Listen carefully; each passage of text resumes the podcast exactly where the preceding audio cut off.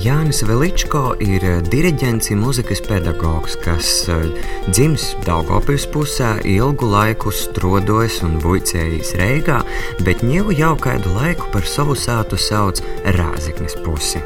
Šovakar jis ir mūsu gosts. Kulna sāta! Tos omotu un tos darba vītu ir daudz. Bet droši vien, Joņa, tu pats vari nedaudz vairāk izstāstīt klausētājiem, ar ko tad tu nozadarboji? Pirmkārt, labs vakars. Tik tiešām es esmu mūzikas skolotājs vietējā ciematiņa, kur es dzīvoju Dricānos. Strādāju arī Rēzeknē, gan Rēzeknes sākuma skolā, gan Rēzeknes mūzikas vidusskolā. Vadot gan ansambļus, gan stundas, gan korus, vadu arī sieviešu vokālu ansambli Almus.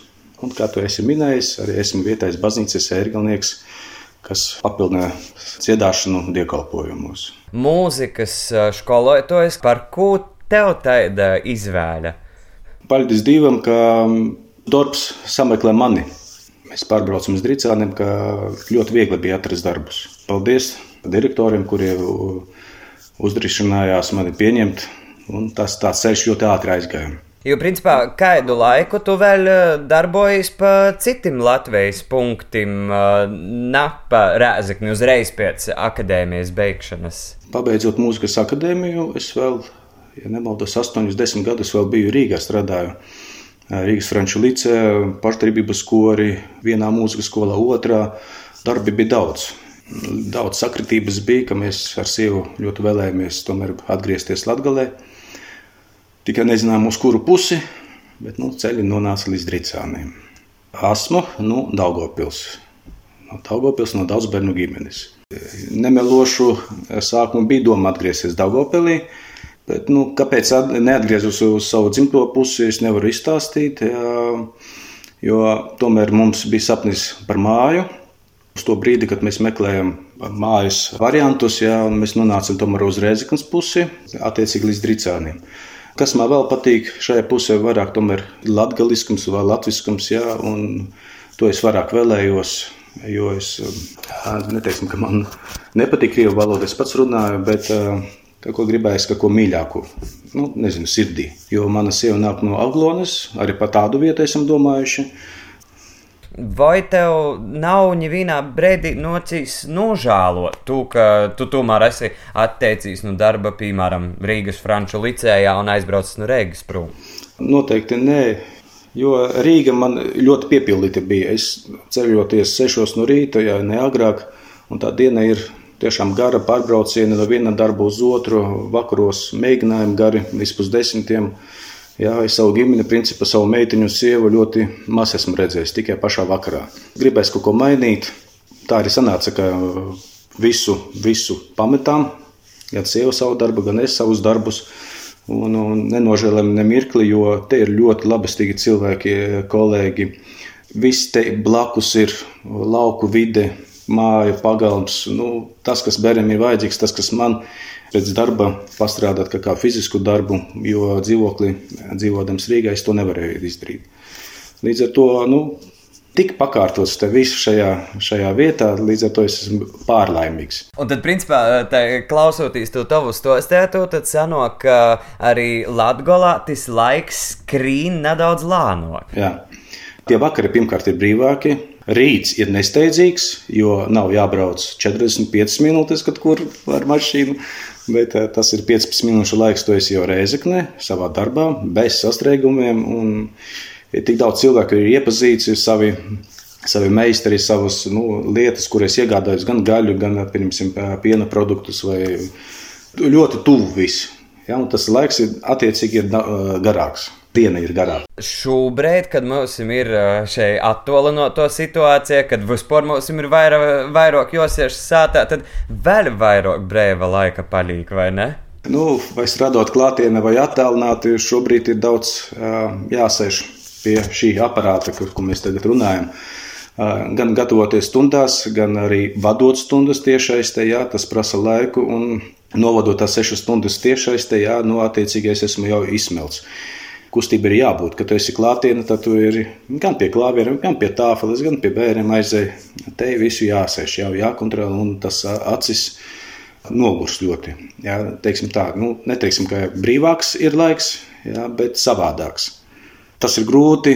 Es redzu, kolēģis kādi ir izsmelti šobrīd, jā, jo tā atgriezniskā saite, ko bērni sūta, jā, brīžiem ir pat pus 11, 11. Un, ja tu katram ir jāatbild, jāizlabo kādu darbu, jā, tā diena ir tiešām piepildīta. Ja klātienē tu 40 minūtes novadi, principā viss, bet šeit ir darbs līdz vakaram. Paralēli man vēl ir trīs bērni, kuri katram arī jāpievērš laiku.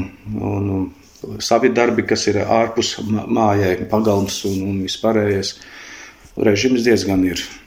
Vai vispār mūziku var mocēt attālinoti?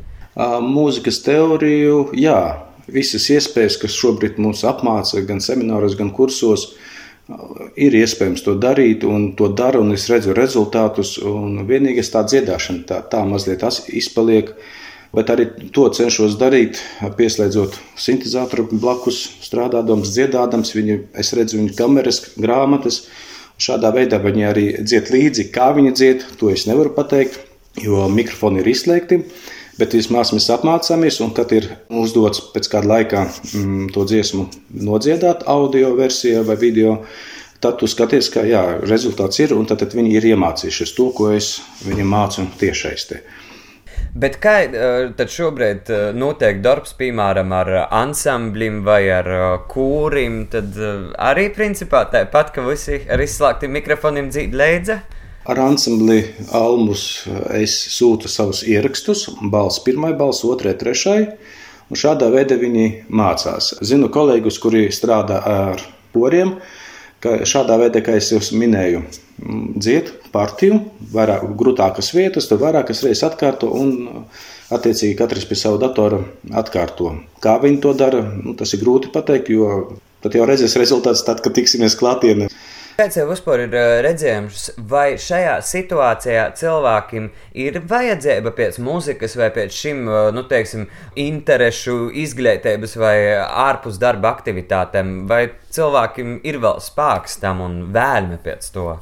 Jā, es to mazāk piedzīvoju, bet atkal minēšu kolēģus ar lielu interesi. Viņi ir noilgojušies pēc tā visa noteikti, jo Gandrīz visi pieslēdzās pie tiešaistes. Klātienē visi nevar atnākt, tad tiešaiste katrs no savām mājām tomēr atrod laiku un nu, noilgošies pēc tā visa sabiedrības koncertiem, mēģinājumiem, tusiņiem un, un kādiem braucieniem. Nu, tas ir vajadzīgs ne tikai dziedāšana, dejošana, teātris, nu, var minēt ļoti daudz sports. Mani bērni ļoti skums pēc sporta, karatē. Vēl viena ļoti, manuprāt, tāda interesanta prizma tavā eh, karjerā ir arī tas, ka tu tātad vadi zānu kūrus un zānu ansambļus, kas arī atceroties savus uh, laikus uh, viduskolā, visi to sauca par tādu izmirstošu sugu, kad, diemžēl, nu, to zānu, dzīvošo zānu paliek mazāk, tad vaicājums, kā tev ar to veicas un kas vispār šobrīd notiek ar zānu zānu kūru kustību? Lai zēnu kūris pastāvētu, uzreiz pateikšu, jābūt lielai skolai, liels audzēkņu skaits. Tas ir viens. Kad es strādāju Rīgā, bija 13. Rīgā 13 zēnu kūri tikai. Tas ir laikam tiešām maz priekšrīgas. Un katrā pilsētā varbūt tās divi, trīs Jā, nu, Reizekne, Daugopili, pieņemsim, jā. kas man, es tomēr nezinu, kādā veidā piesaistu, bet man puikas nāk uz, uz koriem, labprāt dziedātu, jo nu, man nav privilēģija, lai viņš man tīri dzied vai, vai tur precīzi. Galvenais, lai viņam tā interese ir. Un tu viņu kādā veidā mēģini piesaistīt. Arī šeit, Reizeknē, Par pārsteigumu man ir 35 līdz 40 zēni, kuri grib dziedāt. Svarīgākais, lai viņš grib Šādā veidā arī man izdevās, jo pirmā gadā no savākt sastāvu bija diezgan vienkārši, bet salikt, lai būtu vienbalsība, man prasījās laikam pusgads, lai dabūtu vienbalsīgu dziedājumu. Vēlāk, pamazām, otrā pusgadā jau izveidojas divbalsība. Tagad mēs esam vēl soli uz priekšu, bet, diemžēl, tas atkal viss apstājās. Kā būs ar dziesmu svētkiem, atkal nezinām.